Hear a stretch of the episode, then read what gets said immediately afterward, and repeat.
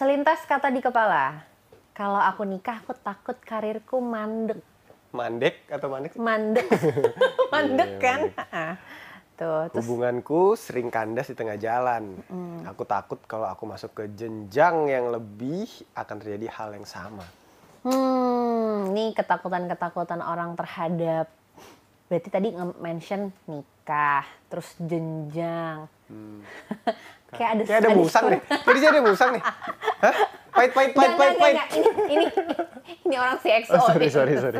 Iya, iya, iya. iya. Nah, itu berarti kan ngomonginnya komitmen nih ya. Ah. Kalau bahasa-bahasa nikah, Iya, nih. jenjang tuh. Nah, terus apalagi kalau ditanya, eh, nextnya kita nih apa nih?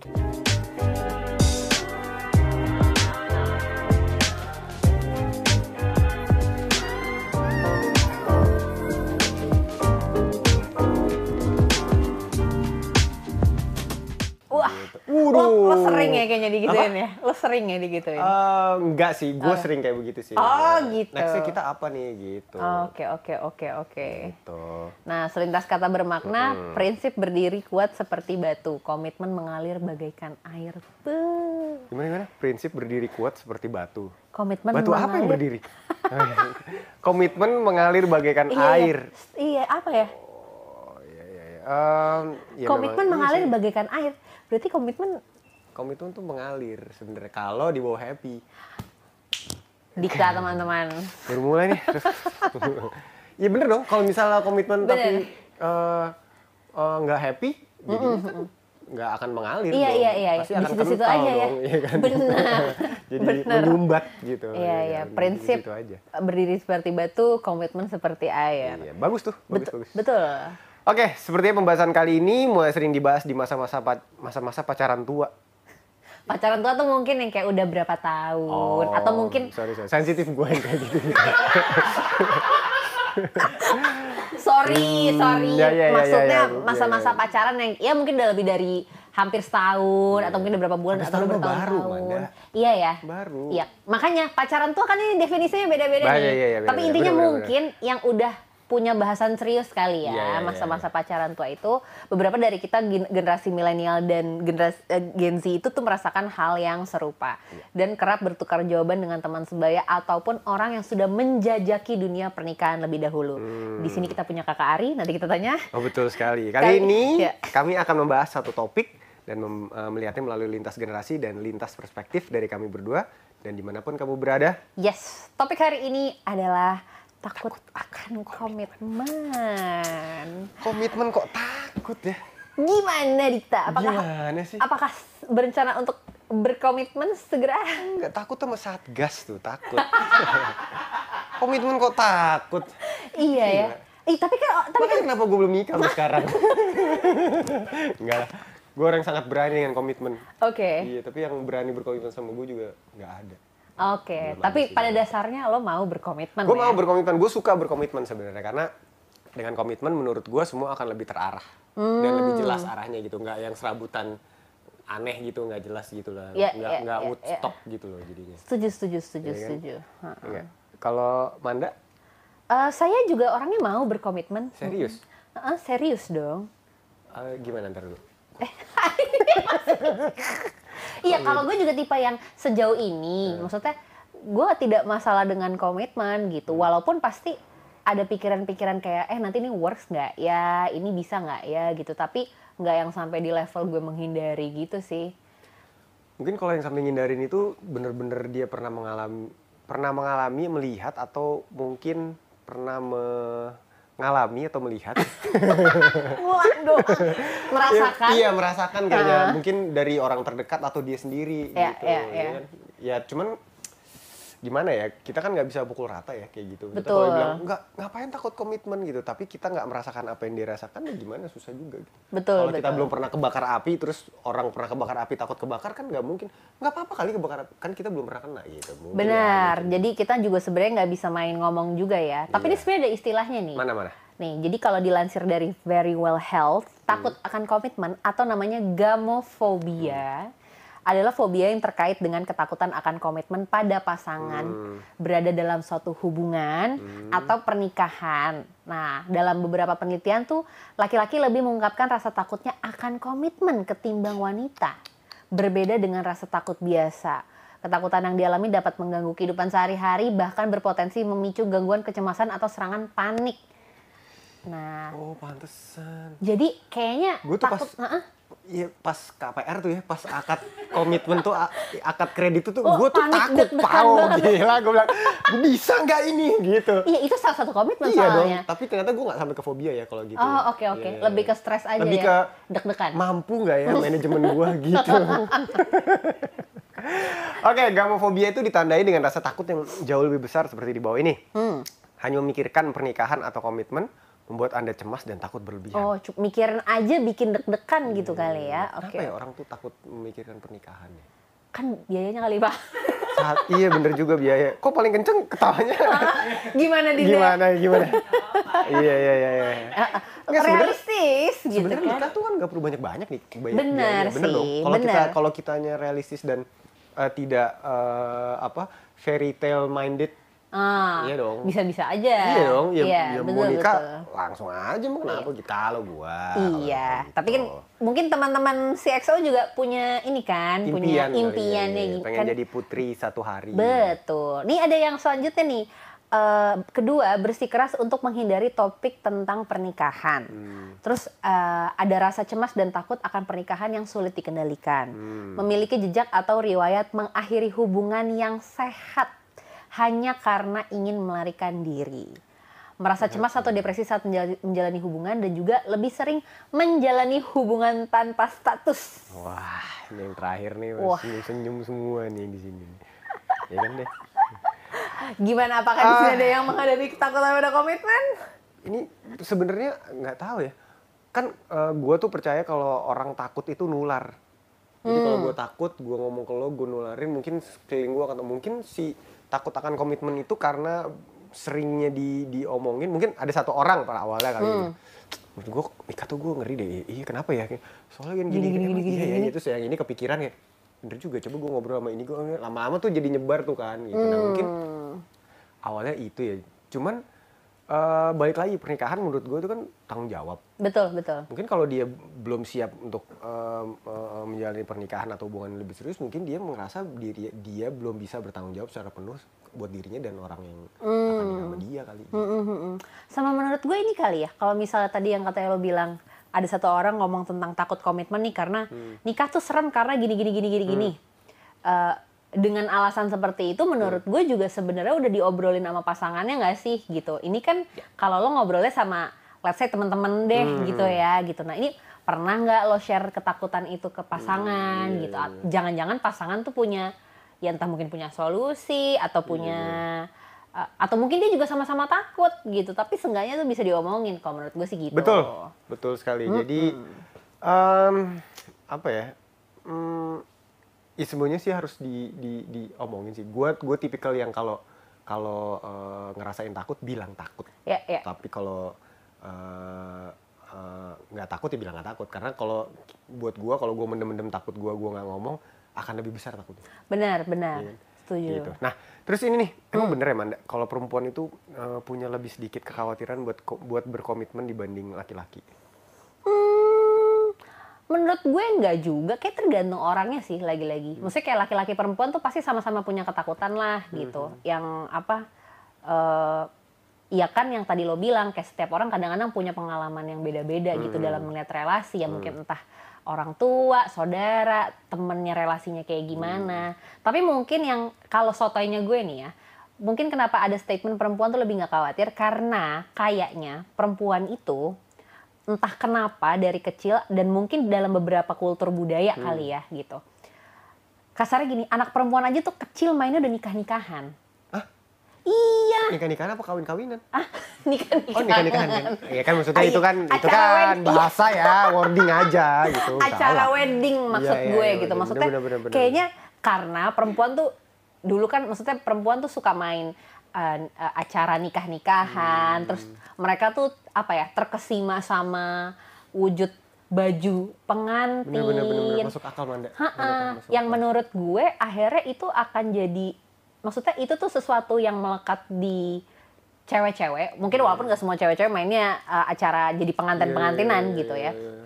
tapi seenggaknya itu yang buat kenapa mungkin beberapa dari perempuan itu Hmm. bahkan udah punya bayangan uh, ntar kalau nikah tuh gue mau Iya, iya, iya. kayak gimana gitu-gitu Dan gue baru baru nggak sekarang. Hmm.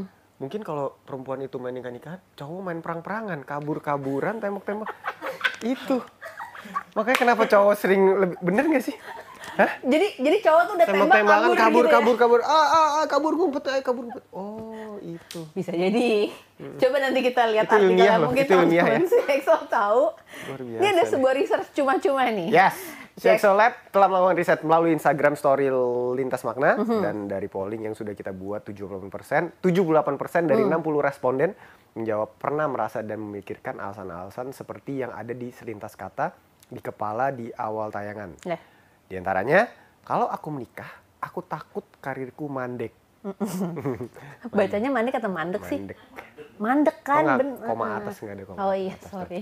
Hubunganku eh, sering sering kandas di tengah Di tengah nama, jalan? Nama band. Kayak sering kandas di tengah jalan. Aku takut kalau aku masuk ke jenjang yang lebih akan terjadi hal yang sama. Hmm, sering putus, Hmm. jadinya nggak nggak berani nikah karena takutnya gagal Nanti juga. Gagal gitu. lagi. Sebenarnya diomongin aja ya. Dan beberapa juga mengungkapkan alasan lain yang membuat mereka sulit berkomitmen menuju jenjang selanjutnya. Yes. Berikut alasan dari teman lintas makna. Nih dari at Ajung BGS 14 bagus sekali. Begitu begitu pedes. dari Aj- dari Ajung ini karena merasa karir belum tercapai dan punya trauma tersendiri. hmm. iya, iya, iya. Oke.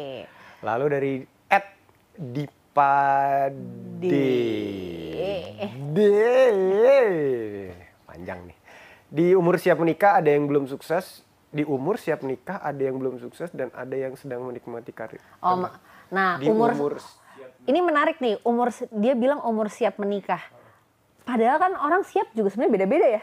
Maksudnya nggak ada yang kan mungkin mungkin menurut dia dia siap menikah. Iya, mungkin dia melihat di rentang usia sekian nih banyak teman-temannya tuh yang udah nikah dan mungkin menurut dia itu umur siap menikah. Padahal dianya atau mungkin temennya juga ada yang ngerasa belum sukses atau lagi ah lagi asik-asik kerja gitu. Ya itu tuh asik-asik kerja itu tuh. yang- Iya ya, yang- yang- itu menarik banget. itu itu itu antara jurang dan pantai gitu. Bener-bener Iya nggak? nikmat banget tapi kok bahaya Iya, iya, gitu ya.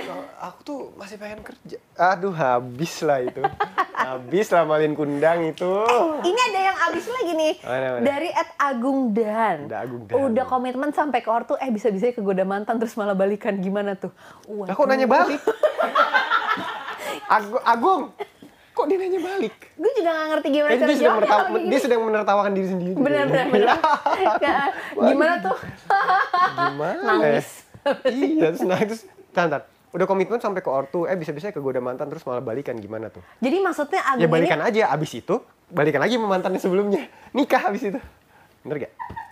Iya kan? asal yang sekarang kalau mau serius sama yang sebelumnya jangan ke ortu lagi. Iya, jangan ke gitu. ortu, ke Kang Toprak sebelah rumah dulu kayak gitu. Kalau dia ACC baru. udah komit udah komitmen sampai ke ortu. Ortunya siapa nih? Ya makanya ortu dia. Ortu mantannya kali. Atau ortu temennya. Iya. Mana nggak jelas ini Agung. Oke.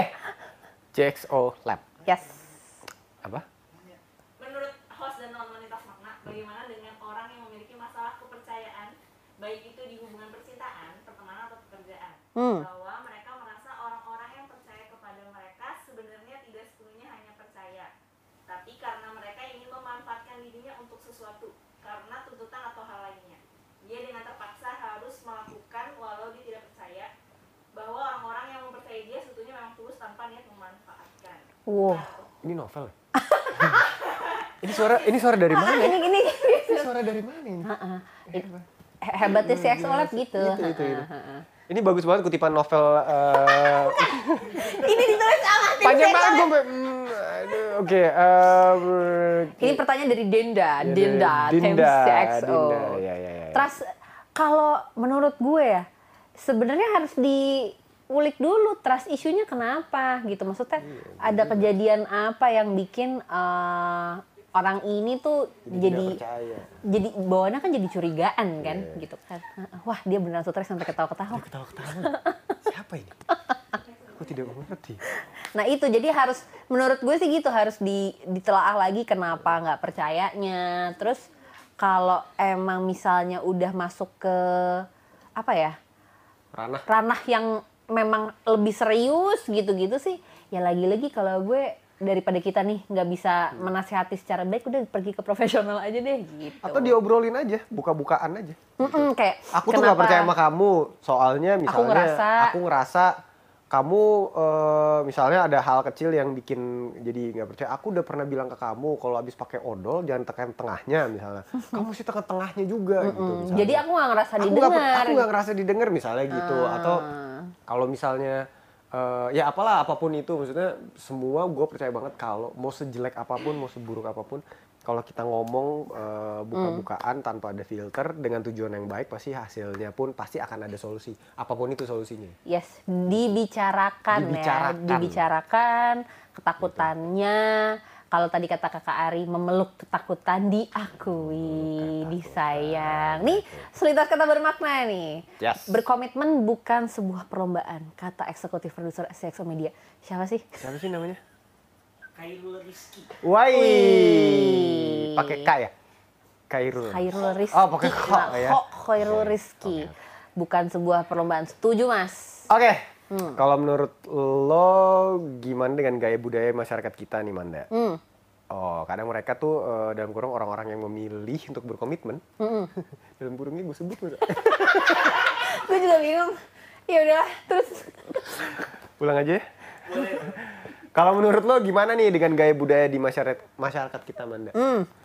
Kadang mereka tuh orang-orang yang memilih untuk berkomitmen.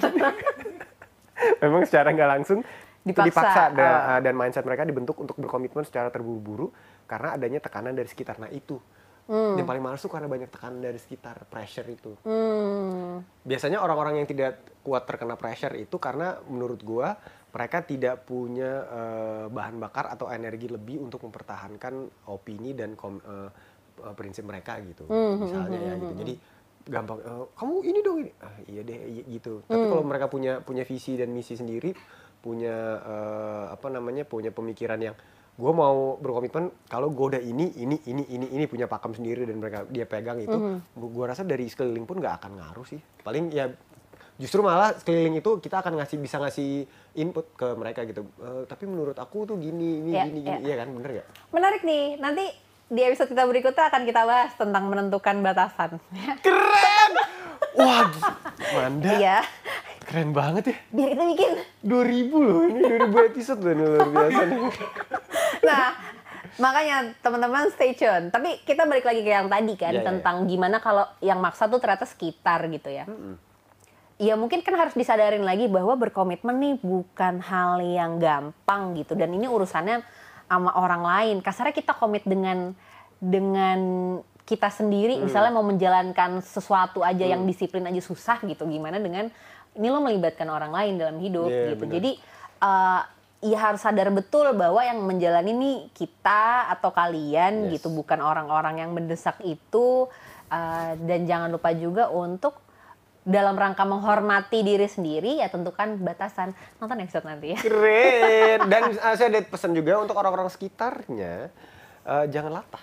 Dan jangan karena Anda menonton telenovela, Anda ingin membuat orang sekitar Anda jadi pengen jadi kayak telenovela. Ah. Biarin aja gitu, biarin aja. Dia mau uh, Ngapain kek? ngapain kek gitu selama tidak merugikan orang lain dan tidak merugikan Anda, jangan ikut campur urusannya. Berbahagialah bersama. Ya? Hmm, betul eh ah ah. oh sorry sorry dari kapan dari kapan berisik ya oke dimasukin aja oke selintas fakta bermakna dua Fobia seperti gamofobia. Itu duanya disebutin. Hah? gak tau gue sebenernya Fobia seperti gamofobia dapat terbentuk sejak usia muda, bahkan pada masa kanak-kanak. Gamofobia dapat terjadi karena adanya akumulasi dari pengalaman ataupun trauma, bukan hanya satu kejadian atau pemicu. Berikut adalah beberapa kejadian yang bisa menjadi salah satu atau beberapa pemicu fobia berkomitmen. Yes. Titik dua. Wah, satu, Ya. melihat konflik, memiliki hubungan keluarga yang bermasalah atau rumit, atau bahkan perceraian orang tua. Ya. Dua, pernah berada di hubungan yang tidak sehat, seperti memiliki pasangan yang manipulatif atau mengalami kekerasan verbal dan fisik. Ketiga, pernah menjadi korban pelecehan seksual. Keempat, budaya pernikahan, terutama budaya pernikahan yang rumit dan mahal. Yes. Ini poin banget ini. Betul, apalagi tadi kan disebutin dari kanak-kanak ya gitu. Berarti Iya. kan uh, itu sesuatu yang susah. Maksudnya itu bukan sesuatu yang gampang gitu kalau apalagi ngeliat contohnya keluarga atau Hmm. orang tua Iya, gitu. iya. Jadi uh, kadang-kadang kalau orang-orang sekitarnya juga orang-orang sekitarnya juga nggak bisa dengan gampang ah lu masuk gitu aja takut Hmm. sih gitu. Berarti kan dia punya ya mungkin asumsi gue adalah dia punya ya punya luka lah yang cukup Iya, iya, mendalam iya, gitu iya, yang akhirnya membuat dia tidak semudah itu untuk ya percaya atau optimis gitu ya sama Iya, hubungannya. Betul, betul, betul. Dan ya namanya orang tua kan, itu orang terdekat kita juga kan. Benar, Ya, jadi apalagi pasti kita akan look up ke mereka. Oh. karena kan dulu kan kita masih tergantung banget sama Yes. orang tua kan. Jadi mau nggak mau tuh pasti nempelnya ke mereka gitu. Jadi ya akan susah sih untuk memisahkan itu gitu. Betul. Terus tadi yang itu udah habis ya? Apa ya? Yang, nah, Apalagi tuh? Oh, yang tidak sehat nih. Oh iya, ber- pernah berada di hubungan tidak sehat bisa jadi kalau pasangan memang manipulatif, kekerasan verbal fisik Itu gitu pasti tuh. sih ya. Iya, itu udah pasti. Terus Korban pelecehan korban seksual, itu juga sangat pernikahan. ini Pokoknya poin-poin ini Manda Hmm. sebenarnya bisa jadi bahan pertimbangan kita eh, orang yang menjadi teman si yang ngalamin gamofobia itu juga sebenarnya. Hmm, Ya, hmm, jadi kita nggak bisa langsung, ah lu masih gini aja, Tom takut sih ini gini gitu. Iya, jadi iya, iya nggak sih iya, bener nggak iya. sih? Gara- Tapi karena karena sebenarnya si gamofobia ini irasional, mungkin maksudnya tanpa mendorong dan mendesak si temennya Hmm. yang takut ini, teman-teman di sekitarnya tuh mungkin bisa uh, ngajak ngobrol dalam Iya. arti, yuk kita coba obrolin yang dikit-dikit hal yang rasionalnya Iya, gitu. Maksudnya gitu. kenapa nih? Misalnya lo nggak lo tuh takut nikah karena mahal ah, karena mungkin tuntutan keluarga gue tuh anggota keluarga gue tuh semua gede-gedean gitu dan gue tuh Iya. harus gitu. Ya mungkin bisa di bisa di apa ya? Bisa jadi dipergampang aja kali ya. Ah, Atau maksudnya kayak- dipikirnya tuh jangan terlalu nggak mungkin dipikirnya nggak terlalu rumit. Misalnya kayak eh, aku takut nikah eh, nanti aku cerai misalnya gitu. Ya cerai aja gitu, nggak apa-apa. aku takut eh, nik- eh, mau nikah soalnya mahal nih. Eh, nanti uangnya habis nggak apa-apa kan ada pinjol. Nggak, nggak. Iya kan? gak setuju. Ada pinjol. Iya kan? Gitu maksudnya eh, Gini ya, gini, dipermudah aja gitu. biar ada dua sisi nih. Kan lo sisi ini nih. Eh, gue sisi yang mana nih? Lo liat dong, kita beda ruangan ceritanya. Iya, iya.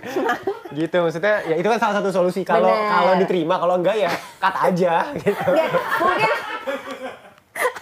gue membantu meluruskan aja kali ya teman si XO. Kan Iya, kalau iya. misal ada perpisahan gitu kan pastinya ada problem yang memang sudah tidak bisa iya dihindarkan. kalau ada perpisahan pasti ada sayonara kan Betul. Nah, Tapi kalau takutnya dari sekarang, menurut gue jadi sangat menghambat Gitu, gitu. gitu. Kecuali teman-teman tuh udah ngelihat, oh iya nih relasinya banyak red flags nih, banyak Iya, tanda-tanda red yang buruk. bener, bener, bener. Ya jadi sangat wajar ragu-ragu untuk tak untuk berkomitmen gitu. benar sekali oke Hmm. selintas kata bermakna berkomitmen itu nggak cuma tentang menyatukan pikiran dua insan manusia tapi menyatukan dua kehidupan yang berbeda Tim kreatif program kultur. kultur kuliah tujuh ronde Bener nggak artinya itu? Nggak ya? Bener. Bisa aja nih tim kreatif program kultur. Iya, Kok nggak nongol sih? Iya kok, inframe dong. Sini dong. Iya bener sih itu. Ah, Nah, kalau kita lihat dari sintas fakta bermakna itu kok kayak kepotong ya? Ini nggak Iya. kepotong. Kepotong nggak sih? Kok Nggak kayak kanan banget sih? kepotong sih? Enggak ya?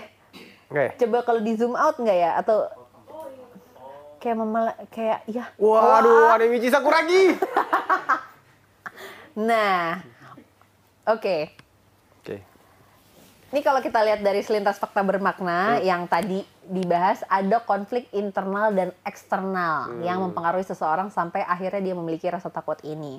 Dan kayaknya generasi milenial atau Gen Z ini banyak yang memiliki isu tersebut. Yes. Nah, eh, hal ini nih, mem- dulu, gue baca dulu.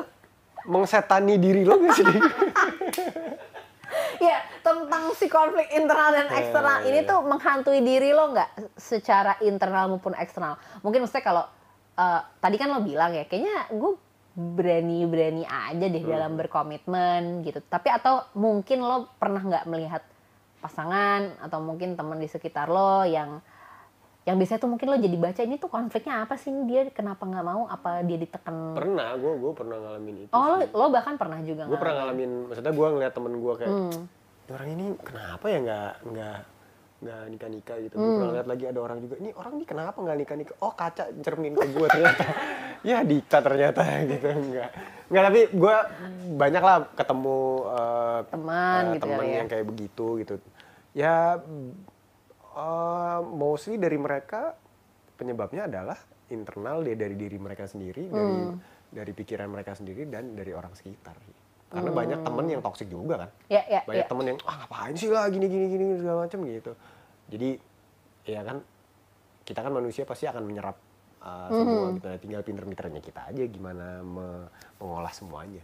Setuju setuju. Jadi sebenarnya faktornya juga maksudnya konfliknya tuh bisa internal bisa eksternal bisa Hmm. dari ketakutan diri mungkin yang internal tadi uh, dengan yang contoh-contoh tadi tuh Hmm. uh, ada problem keluarga Ya. dari kecil eksternal ya karena mungkin dorongan-dorongan uh, orang-orang di sekitarnya ya Tetangga, gitu. iya. atau bisikan-bisikan yang kayak ih susah tahu Tahu, nanti ya, kalau tuh berkomitmen." nanti kalau misalnya uh, ini tuh Mm-mm, mm-mm. Kayak kenapa ya? Terserah orang kenapa nih kita belum belum nikah gue juga belum nikah? Kita meng- mengkomentari itu. Tenang teman seks lo. Kita juga belum. Kita bentar lagi tenang aja. Manda bentar lagi. Gue datang ntar kawinan Manda. Bentar aja. Nih ini ada pertanyaan lagi nih. Oke, tapi emang eh, sekedar takut berkomitmen ini udah termasuk eh, gamofobia ya? nah menurut gua nggak Takut berkomitmen? Karena kalau kalau dari definisinya nih gamofobia ini eh, kan dia tuh udah di level yang tinggi. Terus kayak irasio- ketakutannya tuh irasional. Iya udah gak masuk akal gitu ya. Dan setahu gue sih gamofobia ini tuh bener-bener yang sampai kayak kalau misalnya mau ngebahas nikah atau kayak punya relasi tuh yang sampai Ah, enggak, enggak, deg-degan, apa keringet dingin, yang udah ke fisik gitu loh. Sedangkan menurut gue, eh, ya padahal mungkin setiap orang yang bahkan dalam satu relasi aja tuh pasti punya rasa takut gitu kayak bisa nggak ya gue work dengan orang ini, kayak akan lancar-lancar nggak ya gitu. Tapi menurut gue itu juga nggak bisa semuanya dibilang si gamofobia itu. Jadi takut berkomitmen nggak gamofobia nih? nggak selalu Oh, gamofobia. nggak selalu gamofobia. Oke. Gitu. Oke. Selintas Selintas fakta bermakna. bermakna, bermakna, bermakna. Karena tiga kali. Iya. Tiga. Dikutip dari berbagai sumber, berikut hal-hal yang dapat kamu lakukan untuk terhindar dari gamofobia. Hmm. Satu, menikah bukan mengubah diri. Setuju. Pernikahan tidak akan mengubah diri kamu secara personal. Karena inti dari sebuah pernikahan adalah menerima satu sama lain apa adanya dengan berupaya saling memahami. Waduh, dalam nih. Bijak-bijak ya. Luar Tips biasa ini nih. Ngutip dari Khalil Gibran gitu ya. Ngambil dari mana coba Iya, iya, nih iya, gitu. Tapi gue setuju. Maksudnya nggak bisa mengubah diri dan memang bukan ajang mengubah Iya, orang. memang. Betul sekali. Jadi lo jangan lupa untuk tetap menerapkan itu juga tuh. Jadi ke diri lo, sendiri. diri orang lain digabung menjadi satu varian yang baru yang lebih menyenangkan. Ah, ah. Iya, harusnya dua orang yang beda ini tapi kegiatannya jadi Kegiatannya menyenangkan. jadi lebih oke. Kedua, berada di lingkungan yang tepat. Nah, ini yang tadi dimention sama Dikta nih. Hmm. Betul. Lingkungan yang positif juga akan memberikan dampak positif juga bagi diri kamu. Jadi pintar-pintarlah juga mencari lingkungan Iya, yang baik dan teman-teman Apalagi yang sekarang baik. kan lebih gampang tuh buat eh, memilah-milah ya kan. Betul. Tiga, mencari akar masalah. Dalam up- upaya mencari solusi atas satu permasalahan, Mhm. kita harus mengetahui akar penyebab dari terjadinya masalah. Yes, cek ke dalam diri sendiri Ya, sebenarnya. mungkin kita akarnya. Ya, bisa jadi gitu kan kayak takutnya kenapa? Apakah justru dulu pernah uh, punya berada di relasi yang buruk tapi sebenarnya juga gara-gara kita, Iya, misalnya gitu. Terus empat, mengelola dan menganalisa ekspektasi diri. Hmm. Kamu perlu juga mengelola ekspektasi dan menganalisa harapan yang kamu inginkan setelah pernikahan terjadi dan buatlah realistis. Realistis. Ini bahasa Turki nih. realistis. Realistis. Aduh. Jadi eh, penting sekali tuh dan itu nggak perlu di menurut gue juga nggak perlu di dibikin sendiri sih. Misalnya kayak eh ya tapi mungkin ini posisi untuk teman-teman yang misalnya bahkan pacaran aja takut gitu ya, bukan cuma nikah gitu. Sama yang tadi lo bilang, ya diomongin aja gitu kayak gue punya ekspektasi misalnya setelah nikah kayak gini-gini Hmm. nih. Bisa nggak terjadi tuh kira-kira gitu. Ntar Iya. jangan-jangan pasangannya kayak oh Iya ya nggak apa-apa kok, gue nggak masalah sebenarnya dengan Hmm. kegiatan lo yang sekarang misalnya kan katanya kalau dalam rangka mengubah diri Mm-mm, gitu Iya, bisa bener juga. diomongin Seberat apa pun ya kalau misalnya diomongin pasangan, Mm-mm. saya kan enak gitu. Tiba-tiba pengen jadi intel istrinya Ha-ha, gitu. obrolan- kalau suaminya mendukung why Suaminya, not iya deh, gak apa-apa pasti. Bener dong. Oke, menyadari bahwa tidak ada yang sampurno. Ya kan? Dengan memahami bahwa setiap hal di dunia ini tidak ada yang sempurna. Maka akan membuat kamu menjadi tidak mau ngapa-ngapain dan tidak mau berusaha lebih. Apip ralat Dengan memahami bahwa setiap hal di dunia ini tidak ada yang sempurna, akan membuat kamu belajar menerima bahwa kondisi yang terjadi setelah menikah itu, gue kayak salah baca deh. Dengan memahami bahwa setiap hal di dunia ini tidak ada yang sempurna, akan membuat kamu belajar menerima apa pun, kondisi, yang, terjadi setelah menikah. Oh, menikah. jadi, Jadi- ekspektasinya tuh nggak harus selalu yang bagus-bagus aja gitu. Uh, maksudnya sadari bahwa ya mungkin uh, setelah menikah kan bukan namanya juga komitmen kan ha, itu tuh kayak project ya kayaknya ya. Maksudnya harus di di working Hmm. Iya, iya, on ada terus. brainstorming gitu-gitu. Gitu. Betul. Cinderella aja nggak tahu loh dia abis nikah tuh dia gimana Ngapain? kehidupannya. Betul. Iya kan? Betul. Cinderella, Beauty and the Beast. Betul, Nggak betul. tahu kalau tahu-tahu Beastnya pas lagi marah ngapain tuh sama si itu. Betul. Iya kan? Bener nggak? Gue setuju. Maksudnya Bener loh. fairy tale itu kan makanya komitmen itu tuh nggak pernah ada titik endingnya Nggak gitu. pernah Kayaknya di dijelasin setelah. Cinderella menikah dia tinggal di mana, nggak nggak pernah ditunjukin kan kayak dia ternyata istananya masih nyicil Iya, gitu gitu kan Nggak, nggak tahu loh itu ternyata istananya properti gitu. betul Nggak tahu loh. nah eh, berantem sama pangeran jadi ya memang nggak ada kondisi yang sempurna gitu. gitu Betul justru sekali. bisa jadi eh, titik awal kita semua teman-teman si EXO juga untuk ya emang untuk belajar eh, berkompromi satu sama Yes, lain dan bertoleransi gitu. satu sama lain. betul uh conclusion wow Conclusion, by CXO Lab. Rasa takut akan menjalani komitmen atau gamafobia ini dapat terjadi karena mendapat pengalaman ataupun melihat pengalaman buruk dalam hubungan dari orang lain. Jadi rasa takut ini dapat dipicu baik dari dalam maupun dari luar. terkadang Hmm. kita perlu melihat ke, eh, ke belakang dan menyadari hal apa yang memicu rasa takut tersebut Ya. dan memeluk rasa takut itu. Waduh, memeluk tuh maksudnya kayak Diterima aja Iya, kayak iya. sini sini sini. aku sini, takut, sini. ah, takut, takut, takut. Gitu. Ketimbang, ketimbang. Daripada, eh, ini pasti, ini pasti nih Cipinang Muara nih tinggalnya nih. BKT nih pasti nih ketimbang, timbang harus lari tuh. Ketimbang harus lari atau mencoba lupa. Lalu perlahan berdamai dengan rasa takut tersebut. Bener nih, berdamai dengan rasa takut. yes, diterima aja gitu. Iya, Karena kalau dilawan biasanya makin takut. Iya, benar-benar. benar. Nah, tidak selamanya pernikahan berjalan mulus, namun juga tidak selamanya menikah akan menimbulkan banyak masalah. Menikah adalah proses akulturasi, mantap. Sudah, akulturasi sudah. itu apa? Pelajaran gue di sekolah yang A tambah B jadi C ya, atau A tambah B jadi A B sih. Ada deh, pokoknya istilah lo melebur atau sebenarnya dua-duanya tuh beda tapi barengan aja gitu. Iya, iya, iya. Kalau di Dragon Ball tuh fusion. namanya. Oh iya benar. Iya, iya kan? Yang gini Iya kan kan. bener ya? itu Dragon Ball ada lagi yang bisa gue contohin tapi nggak bisa kayaknya diomongin di sini. Dan bukan menyamakan visi, tapi saling mengisi. Ya, betul Gitu. sekali. Ih, kita bijak banget deh hari ini ngomongin nasihatin orang yang ya. ah, Keren loh. Padahal kita pun belum mengalami bahtera. Bahteranya nggak ada, kita belum ngalamin. Emang paling enak ngomongin orang tuh. Ngomongin topik yang belum dia alami tuh paling enak. Bener, bener. Ya kan? Conclusion by uh, CX Lab. CXO CXO Lab. Oke. Satu perkataan, eh satu pernyataan terbuka terakhir nih. Pertanyaan terbuka. Oh iya, satu per- satu pertanyaan terbuka. Yes. Satu pertanyaan terbuka terakhir nih. Apakah komitmen itu perlu? Dan apakah itu hanya keinginan memuaskan tekanan sosial saja? Wah. Tunggu jawabannya sebentar lagi. Enggak, enggak. Oh, ini bukan Episode cuma satu. Oh, sorry sorry. Kirain ada apa? Iklan gitu. Enggak. ya? Menurut lo gimana? Komitmen Eh. tuh harus, perlu, atau ya cuman biar ya biar diterima orang-orang aja lah. Jadi gue komitmen. Eh, nah, komitmen yang biar diterima itu enggak. Tapi komitmen buat buat ke diri lo sendiri perlu. Hmm. karena eh, pagar lo itu ya di komitmen lo itu gitu. Bukan pagar ya apa eh, eh, batasan-batasan diri lo itu ya ada di komitmen lo. Kalau Hmm. buat gua ya gitu. Jadi lo tidak akan berbuat semena-mena ke orang lain atau ke pasangan lo. Iya lo kalau selalu nginget komitmen lo apa lo akan tidak akan maksudnya lo nggak akan melakukan hal-hal yang tidak diinginkan gitu. Paling enggak kalau udah mau keluar dari komitmen itu lo inget lagi pasti akan oh iya gue dulu kan eh, misalnya nih eh, kita udah nikah lama gitu. Terus eh, beribut gede segala macem terus ah udahlah nih kayaknya udah nggak bisa nih gitu. Terus tiba-tiba kita keinget lagi komitmen kita di awal apa? Pasti akan membantu kayak oh iya kayaknya gue salah ngomong gitu deh. Gitu. Ya dong. Setuju, setuju. Jadi pastikan komitmen itu muncul dan memang datang karena keinginan lo sendiri Yes, ya. bukan Kalau karena tuntutan dari dari orang-orang. sekitar, sekitar. dari eh, ya sosial atau mungkin aturan sosial, norma sosial gitu. Jadi yang penting sadari bahwa kalau lo memilih komitmen ya memang karena lo yang mau. betul sekali Tuh. dan jangan berkomitmen dengan orang yang tidak mau berkomitmen dengan anda setuju. Betul.